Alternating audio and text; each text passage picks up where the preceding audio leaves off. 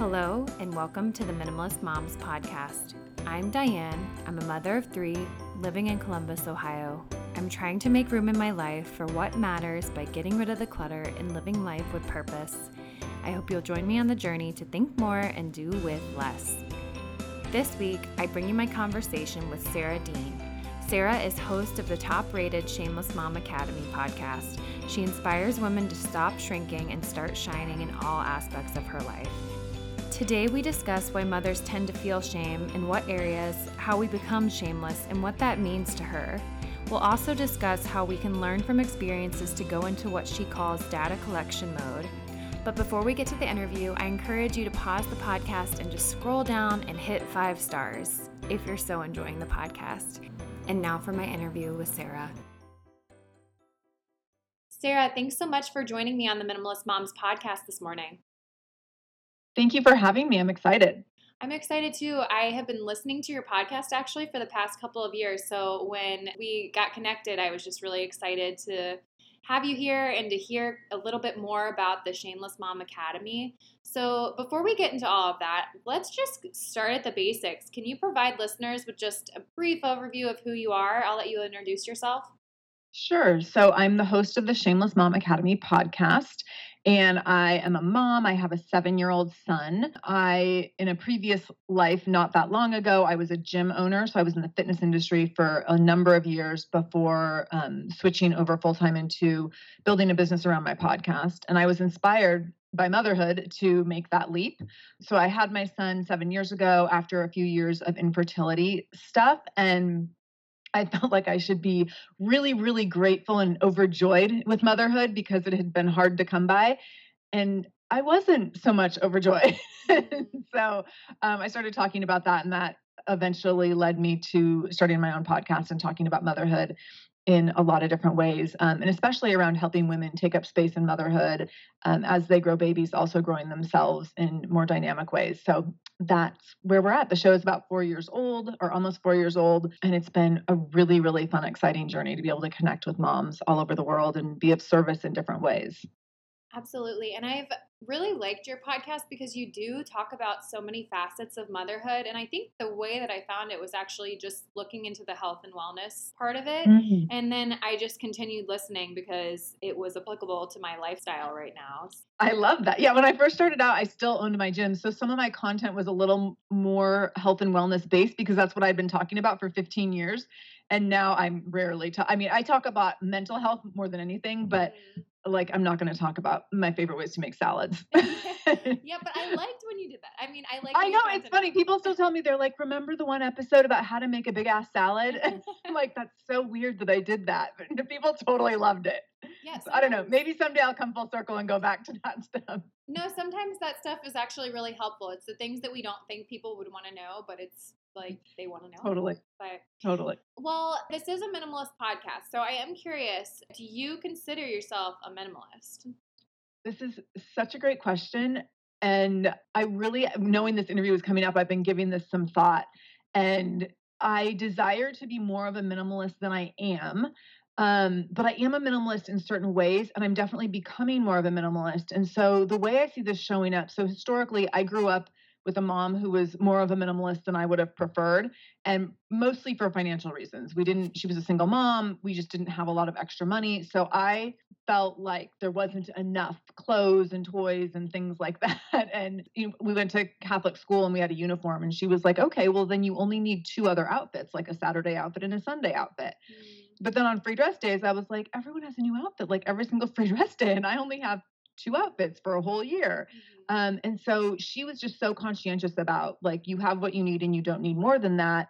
And when I had my son, I was actually giving away baby clothes recently, and I was like, why does he have like 47 onesies in the same size? Like, this is ridiculous. And so I feel like when I became a mom, I actually overindulged in a lot of things. And I think it was because I wanted that comfort of having more than enough that I felt like I didn't have. And now DJ's a little older. Just this last weekend, he was in need of a new pair of pants. And I was like, I'm buying two pairs and he gets two pairs and he wears he goes to Catholic school and wears a uniform. So I'm like, he gets two pairs of pants, one for Saturday, one for Sunday. So I've kind of come full circle around we don't need just because I'm in a situation in a double income family where we can have more, we don't need more. And I'm not doing him any great services by over providing. So there's that piece. I'm also just increasingly so desiring to be more environmentally conscious and so not wanting to contribute more to so many damages to our planet that we're seeing and so um, as we're recording this early in the new year i'm really making that a focus for my year as well so to answer your question i'm becoming more of a minimalist but it's it's been a bit of a journey no, I think it's a journey for everyone. And it is interesting because I think a lot of us find out that we want to live with less when we start having children because you see that there really isn't a need for them to have as much as you originally think.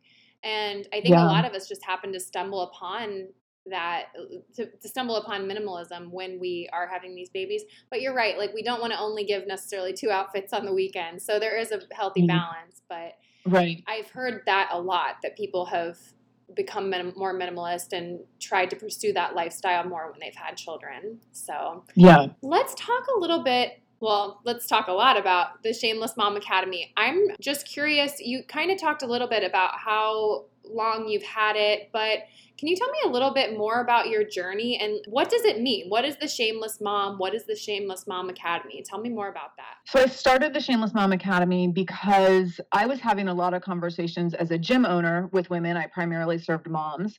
A lot of conversations around women wanting to shrink their bodies and women really leading like their top goals in life many of them for most of their lives had been around weight loss and shrinking their bodies and taking up less physical space. And talk about minimalism, like minimizing their voice, their space that they took up, their existence, like all those things around their physical body. And after I became a mom, it just felt so unethical for me to be perpetuating that and to not help moms honor their bodies and to not help moms take up space and have bigger voices. And I just grew increasingly aware of this. Some of that was because of my own postpartum journey, which was way harder than I thought it was going to be. And some of it was just kind of an evolution of where how I wanted to show up as a leader and the impact I wanted to have in terms of my legacy and I didn't want my legacy to be like I helped women lose 10 pounds in 10 days like that just felt real cringy after a while mm-hmm. and so um I had started changing a lot of my mes- messaging and marketing at the gym, but I wanted to do more and I wanted to be having different kinds of conversations around really helping embolden moms. And so I started the podcast to do that. And it was very much a hobby in the beginning. But what ended up happening is the conversations just became more and more powerful. I started getting a lot of great feedback. And what I realized is there is such a need for moms, for women to have a safe place to talk about struggles and wins and challenges, but for moms especially to be able to have a place to do that. Um, and I really just fell in love with being a leader in a new way, with new con- leading new kinds of conversations. So that's kind of how that began. And when I decided to go all in on the podcast, I ended up selling my gym. And then my goal was to create community around the podcast. So, you know, the podcast had existed for a little while where it was just me talking into a microphone once I sold the gym, I had the bandwidth to then create a community. And we have, so now we have a Facebook community of almost 3,000 moms. We have a membership community. We have a mastermind community of women in leadership who are either running their own businesses or working on moving up in their corporate positions. Um, and so, what I've been able to do is create places for women to take up space and for women to find their voice and to do amazing things. And it just blows my mind. Yesterday, a woman said, a woman who I met last year. So I have an event every year called Shameless Mom Con. And this woman told me last year at Shameless Mom Con, she's like, Well, my husband and I, we started a nonprofit. We want to get dive into it a little bit more. We haven't done that yet, but I want to really focus on that in the next year. And she messaged me yesterday and she's like, We've been really focusing on the nonprofit and I can't believe the growth we've had. And I was like, oh my gosh, this is unbelievable. that like I started this podcast and now people are building nonprofits, you know? Um, and people are and women are I have another woman who's about to become a president of a bank. And she previously had been like at home building a little marketing firm, which was also a really admirable undertaking. But she went from that to having this opportunity to become a president of a bank and being nervous, but also like, yes, heck yes, I'm totally going to do this. So that's just been so, so phenomenal to see women step up and, and have safe spaces to rise like that. Absolutely. And I think you're right. It is so neat how these platforms just slowly start to build and then they gain traction. And then it just does encourage other people. You just never would have thought that you would have impact in other people's lives. It makes it all worth it. And then your creative projects become something that's really worthwhile. So I, I don't know. I think yeah. that's inspiring. So I, I just want to talk about the word shame. Do you think that society plays more of a role? I guess like how do we become shameless and then why do you think it is that we've experienced so much shame I think that we experience shame because we've been taught to experience shame. We've been taught to be shameful of certain things. We've been taught to be shameful of our bodies. We've been taught to be shameful of all sorts of different kinds of, I mean, if we look at the patriarchy, there's people who've been taught to be shameful because of the color of their skin. There's people who've been taught to be shameful because of the way their body looks or the way their body performs and you know is able in different ways or not able in different ways so we we've been taught and conditioned to think of ourselves as less than or less qualified and that is by design in many ways because if we if there's a structure that can make one group of people feel less than and feel shameful then it creates a structure for other people to take up more space and to have a louder voice. And so that's by design. And if you look at like the history of our country and how leadership has played out over the course of multiple generations, we can see that there's been a certain amount of space allotted for certain kinds of people and less space allowed for pretty much everyone else. And so I think that there's this whole construct around shame that now we need to look at okay, if I'm carrying shame because I have belly fat or stretch marks, or because I took two years off work when I had babies, or because I didn't go to college, is is there actually something to be shameful about, or is this a message I've internalized from someone else, from a from society's societal standards, from maybe a family message, maybe a media message, and so I think that's where it often stems from. And then women tend to be really conscientious um, more so than men. And so we internal and we tend to be high internalizers. And so we carry that with us and we believe we look for I, t- I talk a lot about data collection and looking for evidence we train ourselves to look for evidence to support certain things and so many women are conditioned to look for evidence to support their negative self-talk or to support their self-doubt and so when a boss makes you feel small in a meeting or dismisses you in some way, you're like, oh, see, there it is. I'm not really qualified to go for that promotion, or I'm not really qualified. Yeah. Uh, so I'm I'm trying to figure out how to articulate this. So I guess in regards to others making us feel less than, I do believe what is on the individual to I guess kind of ignore like there is obviously and there has been and historically like a lack of equality or a lack mm. of diversity or just the lack of appreciation of the sexes but i also think moving into the generation that we're into now maybe we'll say the last 10 20 years we have become aware of certain disadvantages but yeah. how much of that are we still allowing to just dictate like I, I think that we should take ownership as individuals to say, I'm going to tune that out. That actually isn't as yeah. true as I think that it is. For the patriarchy, for example, there are some people that don't really necessarily believe that at all. And then some people that are very firm in believing that that has dictated society and generations. I'm sure it's probably somewhere a little bit in between. Like things are not just yeah. so black and white. So where right. is the balance? And then what is our sorry, I'm, I'm just like hashing this out verbally.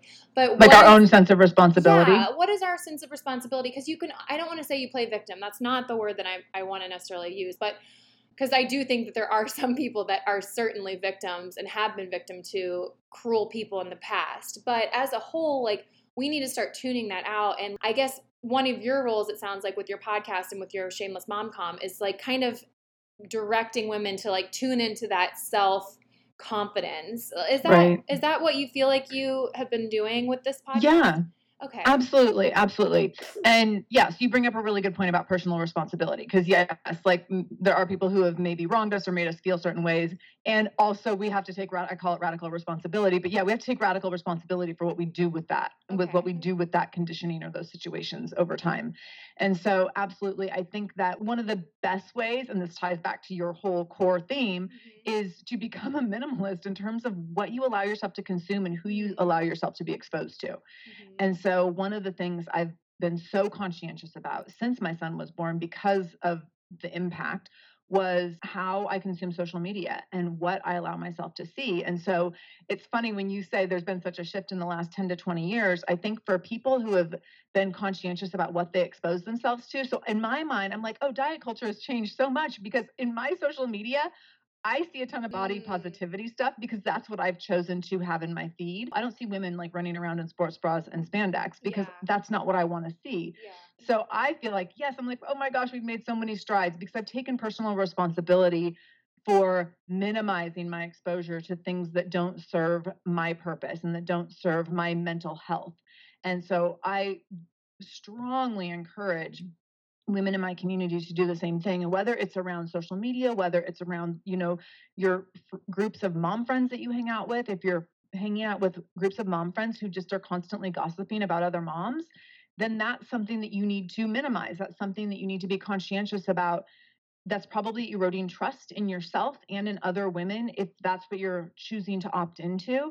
And so, yeah, I absolutely agree there has to be personal responsibility for how you want to manage your influences. And I also think weeding things out very regularly. I'm constantly saying like unfollow, unsubscribe, block, you know, mm-hmm. unfriend. Mm-hmm. You get to be really intentional around what you let in. And I think the less you let in, the better in many, many cases. Mm, that makes sense because the example of diet culture and then we have these people that are like really into fitness and trying to be persuasive that everyone should live this lifestyle when you start cultivating what your feed is looking like and allowing it to be more gray, I don't know. I think that's what you said where the personal responsibility comes into play. I yeah. Don't, I don't really know my point with this. I'm just kind of mentally processing and verbally processing right now. I no, well, I thought I think you brought up really good points. I think that I think that there are two I think there's the structure that we've been born into and the influences and the conditioning and then there's absolutely that element of personal responsibility.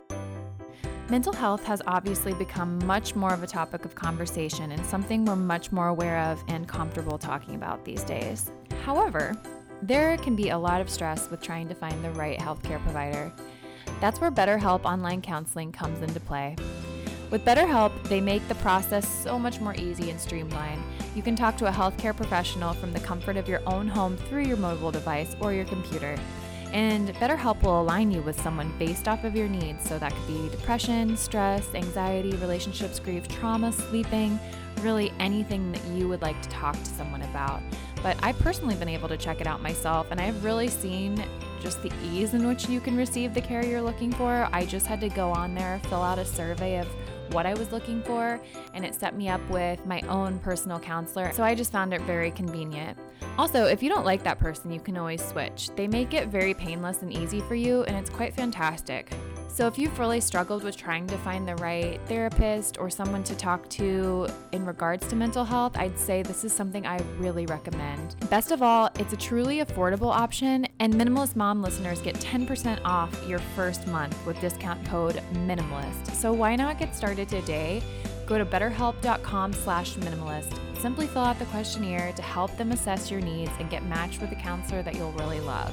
That's betterhelp.com/minimalist. So you mentioned that you learn from experiences to go into a data collection mode. Can you expand a little bit more by what you mean with this idea? Yeah, so I, because we tend to be really critical of ourselves, um, women in general, and I, so I attract a lot of high achieving, perfectionistic, type A control freak kind of moms and in women in my communities. And I am one of those women, so mm-hmm. it it helps me to, that we all get to be similar in that way. Um, in in many cases, so I think we have to be really aware of how we respond to the data we collect. And this actually goes back to this is something I talked about early, early on in the podcast. I talked about how women will often designate if a day was good or bad based on what they ate. And so they'll be like, oh, well, today I ate the salad for lunch and dinner. So today was a good day. And basically kind of the subconscious message is like, I'm, I am a good person today. But then the next day they're like, well, I ate the pizza and the cupcakes. I, I was really bad. Mhm. Or you go to dinner with girlfriends and you'll even say like, I'm going to be bad. I'm going to go ahead and get the pasta. Mhm. And so we put these labels on it. And when we do that, there's subconscious messaging around that, like I'm good or I'm bad based on what I ate today. And so instead of this good and bad around behavior choices, whether it's your sugar, your alcohol consumption, how much TV you watch, instead of looking at that as data collection, like today I chose to eat the french fries and the burger, and I was really tired afterwards. I had like a big crash at three o'clock and really wanted to take a nap. That does not work very well for the middle of my workday to have like a burger and fries. Mhm. Or today I ate salad, brown rice, and protein, and I felt so good. So data collection. Rather than labeling like good or bad, just noticing I did this, like A plus B equals C. So same thing when you go to do something hard. I went, you know, I tried to, um, or I, I put myself up for the promotion and I put myself out there, and that was so uncomfortable. I was really nervous. And oh my gosh, I got this great response back. Uh, data collection, like, okay, that means that I did something in this process that was valuable and promoted, you know, and gave me an opportunity. On the other side of that, you put yourself up for the promotion and you didn't get it, and you and someone else did. Then the data collection there is so there was another qualified candidate. That's a totally neutral sta- statement. It doesn't have to be like, well, everyone else was way better than me. It can be like there was another qualified candidate. This wasn't my time, or this isn't the right time right now, or this didn't work out. But rather than going to this like, I'm horrible, I'm not worthy, I'm not, you know, I don't deserve it, I'm not qualified. So really collecting data and neutralizing our self-talk around our experiences and around that input that we're given on a constant basis, whether it's feedback we're giving ourselves or feedback we're getting from other people, just constantly neutralizing. And that creates so much more mental ease because we tend to go, we tend to try to file things in a in categories of like this makes me good or bad versus this just is and it's Mhm. neutral and it doesn't make me good or bad. I had a parenting experience like that the other day. I've been trying something new. It, there's a book called Ignore It, and it's really changed the, my approach to parenting. But I have been implementing that and just an overall more softness to the way that I treat my kiddos because I feel like sometimes I can just be a drill sergeant and I don't want to be that way. So, anyways, I've been trying it this week and I had one negative incident with my daughter in the morning and when my husband got home i was like yeah i had a bad incident. Like i ended up actually spanking her and that was really not what i wanted. I wish i could have stepped out from that moment and not have been so reactive. And he's like oh so it was a bad day then? And i was like no it actually that was a bad moment but stepping back this is what i should have done differently and now i know this going into the rest of my parenting days with her. Like Yeah. how can i act differently? So i guess how else can we use data collecting to benefit our parenting? What would you say I think really trying to keep things, I mean, that's such a great example, really trying to keep things neutral and then looking at like, okay, when I'm in a place that's really reactive, here's how I feel. And again, that's just a neutral statement. So if I'm really reactive, here's how I felt afterwards. That didn't serve me. And so now I, so I want to look at a different way going forward versus, co- co- versus carrying around like, I'm a bad mom. I can't believe I did that and not being able to let go of it um, because that's just extra mental baggage that isn't going to serve you. I think that we have to be really conscientious around how much space we give to thoughts that don't serve us. And so, and being so aware that our thoughts control our emotions and our feelings, which then dictate our actions. And so, it's not going to serve anyone. If you feel really bad about the way something went down, it's not going to serve you or the other party. So, in your situation, not going to serve you or your child that you had that really rough spot with for you to just carry around guilt and negativity around that because then you're just staying stuck in it. So I think that we have to use that data collection for us to then make smart, calculated, intentional choices to move forward. And if we're in a place of self doubt and a lot of negative self talk, we can't do that.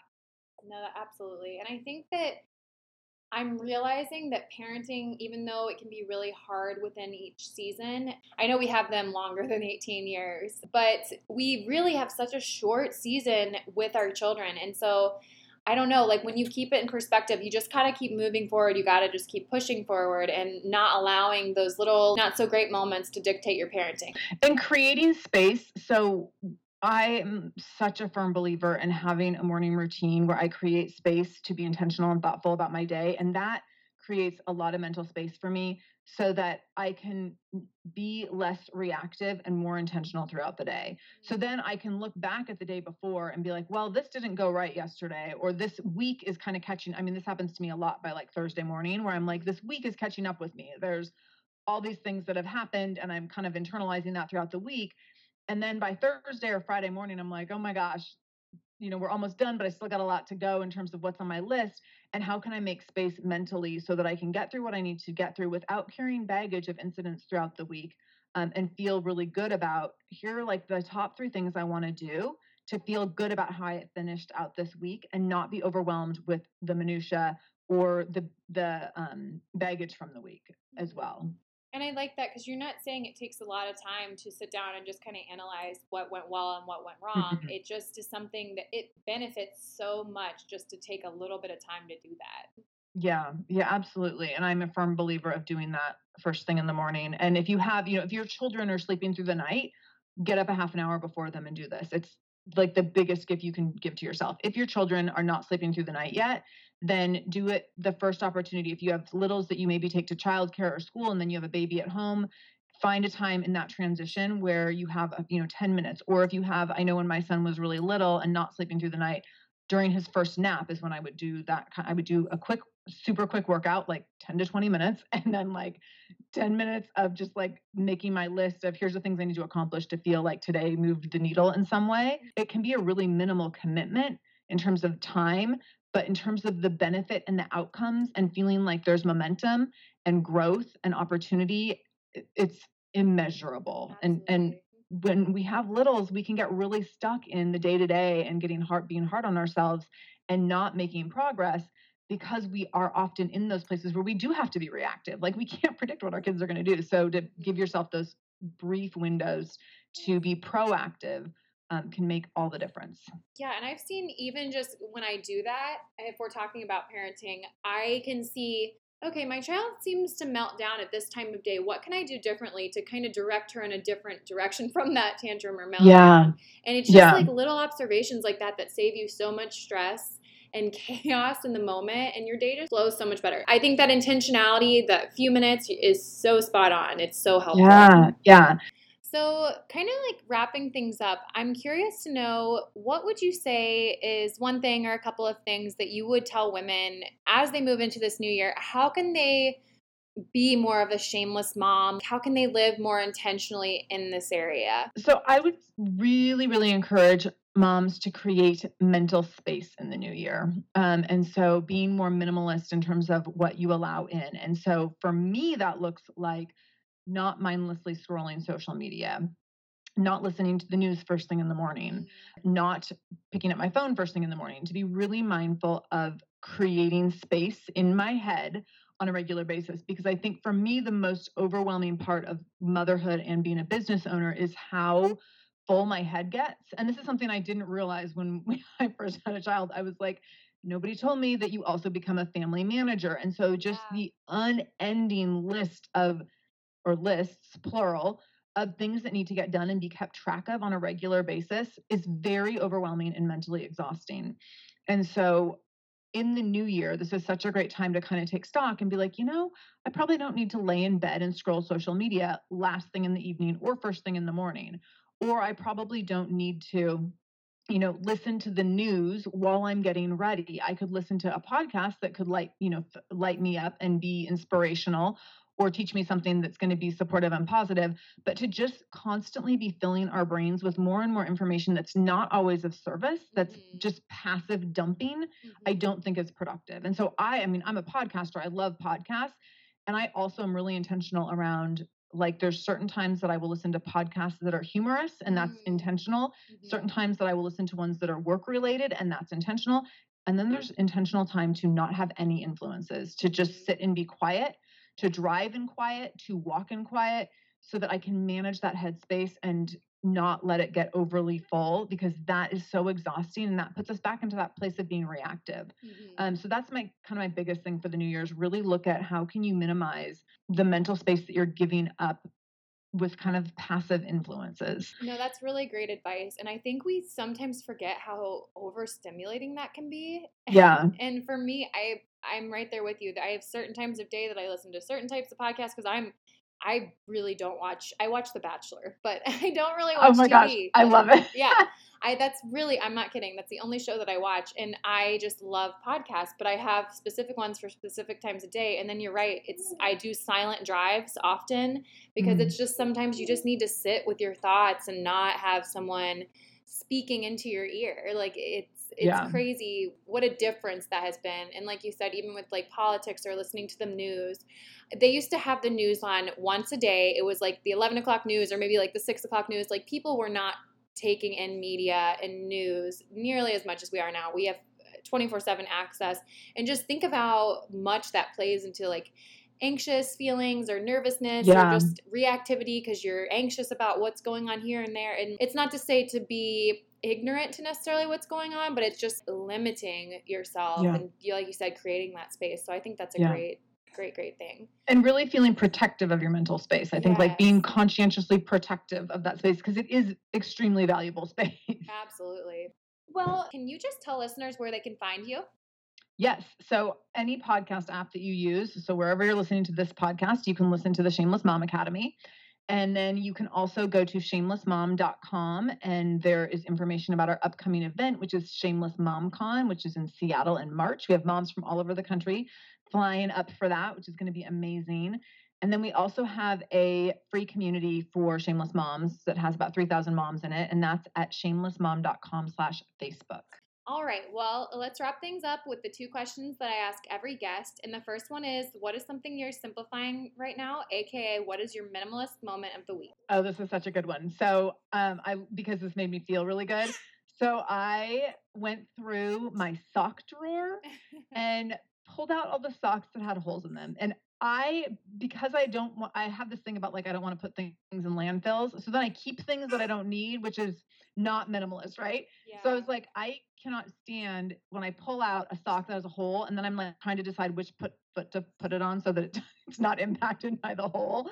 And Mm. so I um, pulled out all the socks that don't have holes. And there's actually a great service here in Seattle called Ridwell, and where you're able to recycle um, thread clothing articles. And so I pulled out all I pulled out all of my son's old socks with holes, all of my socks with holes, and now we only have socks in our drawers that are not disgusting and don't have holes. And I'm like, this feels so spacious. My drawer has so much more space, and I'm not spending extra time digging every morning and Mhm. getting annoyed. So it's also like protecting my energy. No, that makes sense. I did that with the ones that didn't have partners. I got rid of Yeah. them. I'm just like, I'm so sick of having this bin of socks that don't have partners. Like hoping that the partners will come back Yeah, yeah. someday. What is something that you can't stop talking about? Oh gosh, I can't stop talking about um, a, the last book I read of 2019, which was Know My Name by. Chanel Miller, and she was the um, Brock Turner's sexual assault victim. Oh, I've heard of and this. on he was a Stanford student and an Olympic hopeful swimmer. Um, and oh my goodness, I'm just blown away by her story and w- how the system re-victimizes women when we come forward with stories around assault. And so um, it blew my mind. It was an, an amazing, amazing read, and I've been talking about it for three weeks now. I'll be sure to include that in the show notes too. I've heard a lot of praise for that. Some another It's podcast so was talking about that. I can't remember which one, but great. Well, this was an awesome conversation. I hope that women are encouraged to not feel shame or frustration or trying to live for others. I hope that they really tap into who they're created to be. If they reach out to you, just whomever, just to be encouraged. So I really appreciate you being here today. Thank you so much for having me. I am so grateful for the opportunity. What did you think of this week's episode? I really enjoyed my conversation with Sara, and I feel as though she was just really honest, and I thought we had such an authentic dialogue going on there. I encourage you to set time aside for yourself each day, as Sara talks about, and just thinking through some of the personal responsibility that you might have in regards to how you're feeling towards yourselves. It's really hard to do that at times, but it's been so beneficial when I've done it for myself. And I think the more that we can see how powerful we can be in situations, and the more that we aren't victims of our circumstances, the more that we can accomplish so much than we ever thought. So, I would love to know what you thought of the episode. Join me back here next week as I bring you my conversation with host of The Simple Show, Allie Casazza. I love speaking with her about her journey into minimalism, the effects of which have completely overhauled her life, and the simple steps and pitfalls to avoid you can take if you don't know where to begin your own pursuit. I invite you to keep the conversation going by visiting minimalistmomspodcast.com. There you'll find links to the Facebook page, Instagram account, and where you can find me all around the web. Thank you for joining up on this journey. I wish you a lovely week as you think more and do with less.